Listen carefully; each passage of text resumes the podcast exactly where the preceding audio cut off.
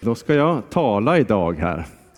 Vi brukar ju säga att man predikar när man är i kyrkan och talar och på andra sammanhang kan det vara keynote speaker eller föreläsare, men här säger vi att man predikar när man talar om Guds ord, läser Bibeln och berättar. Nu ska jag då, det var väldigt vad mycket folk det var idag här, man blir nästan nervös här nu. Jag är ju från Jokkmokk, jag är van att ha tio framför mig egentligen, när man var engagerad i den kyrkan. Men det är några år sedan i och för sig, det är 30 år sedan jag flyttade därifrån, så det är inte riktigt nyss. Men David Hübinette heter jag och jag är en av de volontärerna som är här i kyrkan. Jag är medlem här sedan som sagt var 30 år, flyttade vi hit, jag och Åsa. Men kommer upp från Jokkmokk egentligen. Och jag ska egentligen ha en predikan som är på tre punkter. Men jag ska först då säga att det är jättehärligt när man ser alla de här barnen som var här framme. Visst är det fantastiskt? Och då ska jag berätta att jag själv har fyra barn, men inte bara jag, utan Åsa är ju också med på det. Så vi har fyra barn tillsammans och vi har även barnbarn.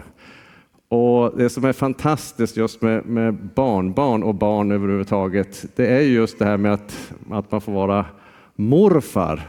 Och när man då får komma in och Bell som hon heter då, och när hon då kommer och räcker upp armarna så här mot den och man får liksom gå dit och ta upp henne, då smälter ju hjärtat. Man riktigt bara som sjunker ihop av glädje och, och eh, ja, entusiasm och allt möjligt som man får när man får ett barnbarn som kommer med armarna upp mot en. Och så vill ju också Gud vara med oss, vill jag då nämna. Nu har vi sett jättemycket barn. Jesus firar vi hans födelse snart också. Och eh, Gud vill vara den här fadern som hjälper oss, som plockar upp oss när vi har ramlat och gjort illa oss, som liksom tröstar oss, som bär oss genom jobbiga tider, som dansar med oss när vi har roliga stunder som Desiree gjorde här, svajar runt. Gud vill också dansa med oss genom de roliga och trevliga stunderna. Han vill vara den här pappan som, som, som umgås med oss genom livet. Sen kan vi också säga att i morse när, när Bell, när vi pratade med henne i morse på Facetime, så här, så de är som mer, mer seriös när de pratar med mamma, men slamsig med mig. Så jag vet inte om jag är den mer slamsiga varianten där då, men så kan det också vara. Men jag ska nu prata om det jag ska prata om. Jag lovade Åsa att jag inte skulle skena iväg allt möjligt annat här. Då. Men det jag ska prata om det är i tre punkter.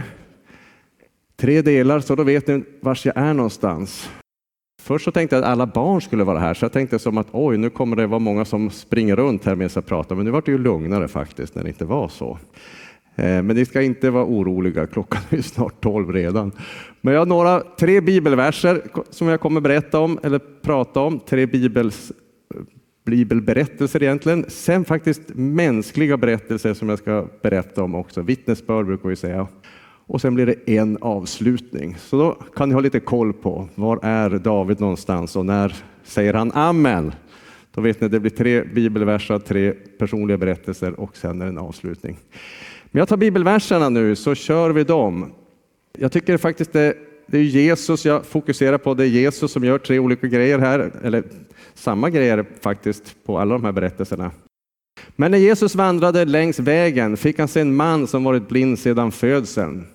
Sedan spottade han på marken och gjorde en deg av lera som han strök på den blinda mannens ögon och han sa till honom, gå och tvätta dig i Siloadammen. Siloa betyder utsänd. Mannen gick då iväg till dammen och tvättade sig och när han kom tillbaka kunde han se. Vad var det som hände här? Jesus hjälpte en som var blind att få sin syn tillbaka igen. Visst var det häftigt? Och vi ska titta på de här olika sätten som han gjorde nu, Jesus, när han hjälpte folk att få sin syn tillbaka. Nu tar nästa bibelvers direkt här, kör vi igen. Det är från Matteus nu. När Jesus lämnade flickans hem följde två blinda män efter honom och ropade Jesus, du som ska ärva kung Davids tron, ha medlidande med oss. De gick efter honom ända in i det hus där han bodde och Jesus frågade dem, tror ni att jag kan bota er? Ja, Herre, svarade de, det gör vi. Då rörde han vid deras ögon och sa, eftersom ni tror ska det bli också så. Och de fick tillbaka sin syn. Så var det på samma sätt han gjorde de här två gångerna? Jag tänker ni ska försöka hänga med här nu. Jag kommer ju köra en till berättelse också. Vi tar en till berättelse. Det är också om en blind som man möter då. Eh, när de kom över till Betsaida, är det från Markus då, förde man fram en blind man och man bad att han skulle röra vid mannen och bota honom. Jesus tog då den blinda mannen vid handen, ledde ut honom ur byn. Sedan spottade han på hans ögon och la sina händer på honom. Kan du se något? frågade Jesus. Då klickar vi en till klick där.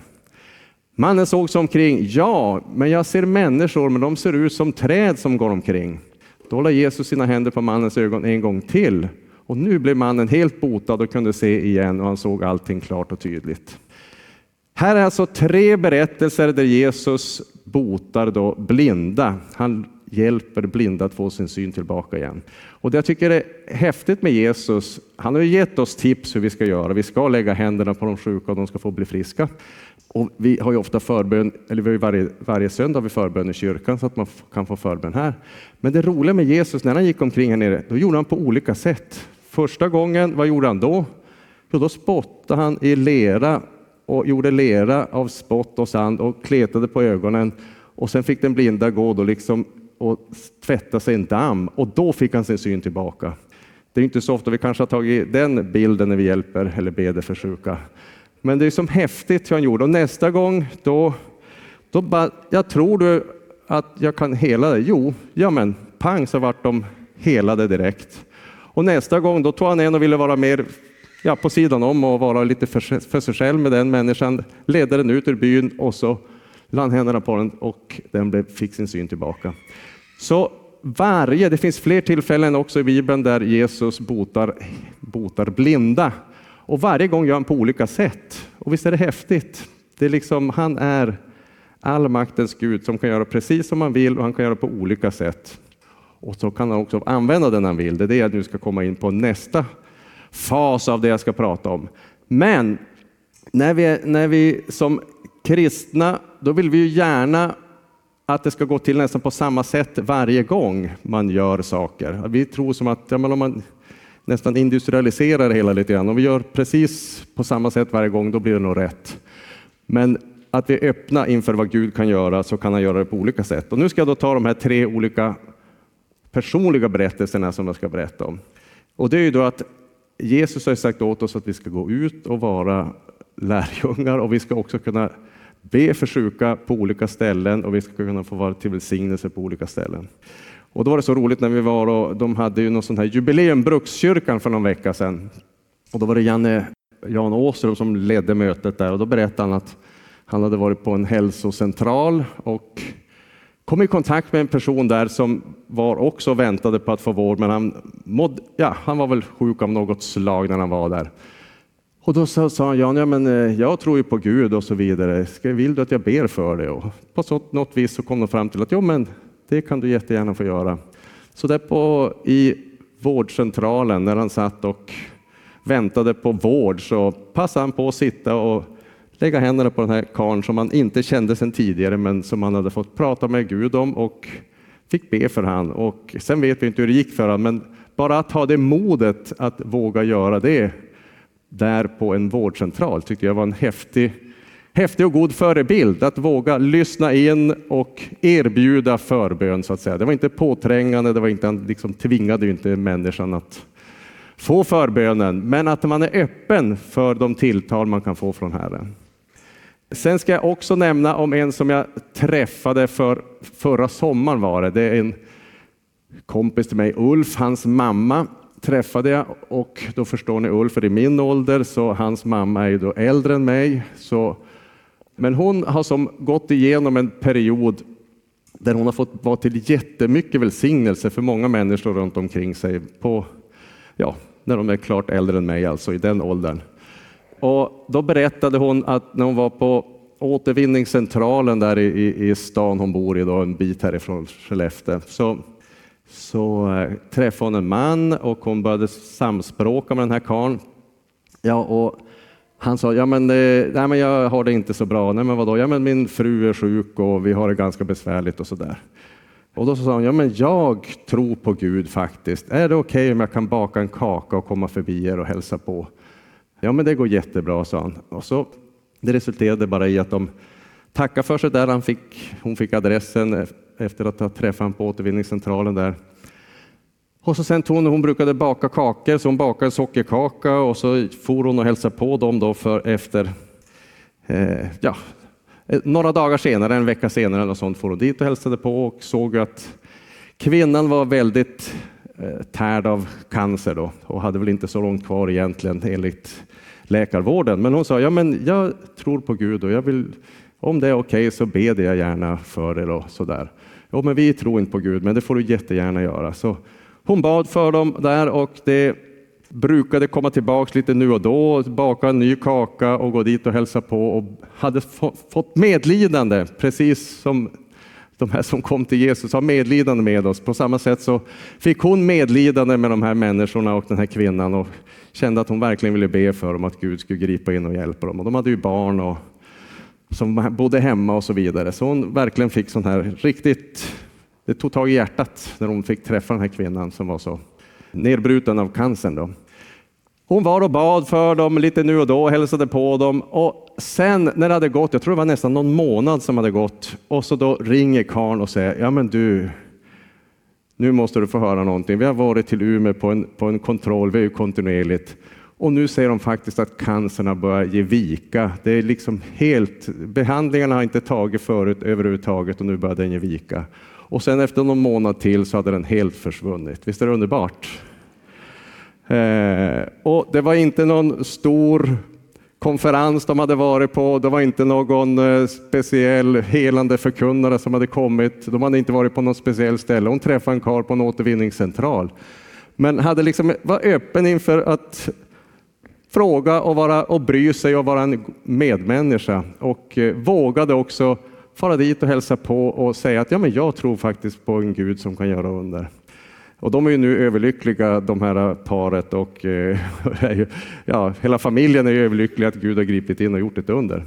Så att liksom Gud kan ju låta oss få vara till välsignelse på så många olika sätt. Precis som Jesus botade blinda på olika sätt så kan han låta oss få vara till välsignelse med de vi har runt omkring oss. Sen ska jag ta en till exempel också. Det var faktiskt då Tommy och det vet ju då en del av er vem det är. Då. Men i alla fall, det är en kollega till mig som jag jobbade med när jag jobbade på gymnasiet. Vi var rektorer tillsammans där och då var det förra hösten så fick jag sorgfeber så jag låg inlagd ungefär en vecka på lasarettet. Och då var jag inte särskilt pigg kan jag säga. Jag låg där och var ganska, ja, det är nog de, de mest eh, sega dagarna i mitt liv i alla fall. Men då när jag låg där och, och eh, det var ju under covid-tiden här så det var ju inte så många som kunde hälsa på eller så heller. Men då helt plötsligt så rullar det in en i rullstol och då är det min gamla kollega Tommy då från, från rektorstiden då på Anderstorp och Balder där vi jobbade tillsammans. Eh, då hade han tappat förmågan att gå och eh, blev inrullad i samma rum som jag.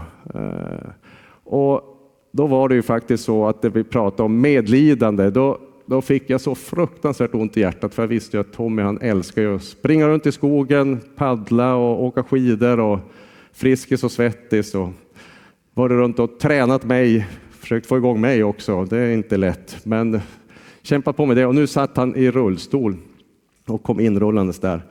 Men i alla fall, då var det samma sak där och, och då blir det där att man funderar, men vågar jag? Ska jag våga fråga om jag ska be för honom eller ska jag, hur ska jag göra? Nu låg vi båda två där, han av sin anledning och jag 10 kilo uppsvullen där låg jag i, i, i sorgfeber. Men då var det en av morgnarna där när vi, vi låg så sa jag åt men du Tommy, eh, du vet ju att jag tror på Gud och, och jag tror att Gud kan hjälpa när man är sjuk och så vidare. Är det okej? Okay? Och jag frågar Tommy om jag får säga det här också, så ni behöver inte vara oroliga frågan. Men då sa jag, men är det okej okay om jag ber för dig? Jag tror att Gud kan göra under, men, men eh, om du inte tycker det är okej, okay, då gör jag inte det. Men om du tycker det är okej okay, så ber jag gärna för det. Ja, men David, det får du jättegärna göra. Så att, eh, jag är ju mer lagd åt det andra hållet. Jag är mer ateist, sa han. Men all hjälp man kan få när man är i den situation jag är i tar man ju gärna emot, sa han. Så det är bara du beder, sa han. Så jag bad en kort bön där Eh, och det känns jätteskönt för mig att få göra det och sen efteråt har han varit jätteglad att, jag vis, att, han visade, att jag visade omsorg och att jag liksom, för jag, jag frågade honom efteråt, men tyckte det känns konstigt? Nej, men jag sa, jag är ju jätteglad att du står för vad du tror på och att du vill liksom, det du tror på att du vill hjälpa mig med det, det är jag ju jätteglad för. Så det jag egentligen vill säga med det, det är det att många gånger tänker man att ja, men ska jag våga erbjuda mig att be för någon eller ska jag, jag kanske tränger mig på eller folk tycker det är konstigt eller tycker det är otrevligt. Men han som så att säga, sedan är ateist, han sa, ju, man blir ju glad när någon bryr sig, man blir ju glad när någon har medlidande med när man, när man går igenom jobbiga stunder. Så det jag egentligen vill uppmuntra er till, det är det att Jesus kan göra under var som helst. Jesus kan använda vem som helst. Och jag är övertygad om att han vill använda både dig och mig med de människor vi har runt omkring oss. Vi behöver inte göra det så konstigt och vi behöver inte liksom tänka att man måste bli på en viss, en viss personlighet eller att man ska bli någon sorts särskild utbildning eller vad det nu än är, utan Gud kan använda alla faktiskt.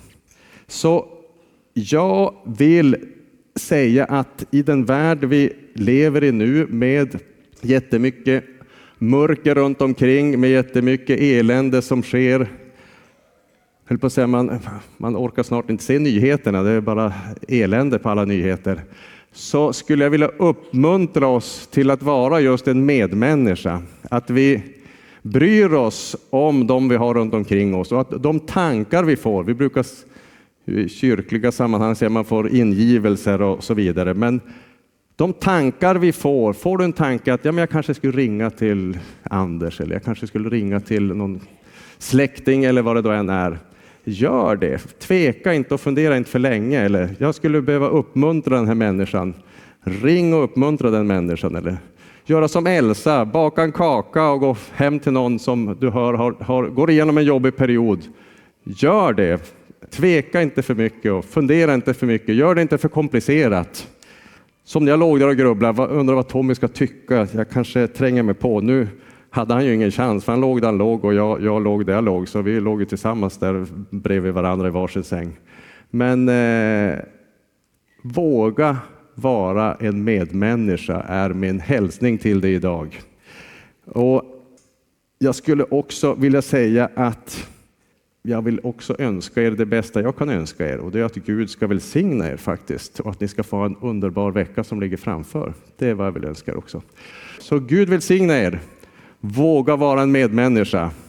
Tack Herre för den här gudstjänsten. Tack Jesus för att du gör under. Tack för den här kvinnan du helade från cancer genom att hon vågade vara få förbön och du helade henne, Herre. Tack Jesus för att du är med oss också här nu, alla som har kommit hit till gudstjänsten idag. Tack för att du vill möta med oss var och en. I Jesu namn. Amen.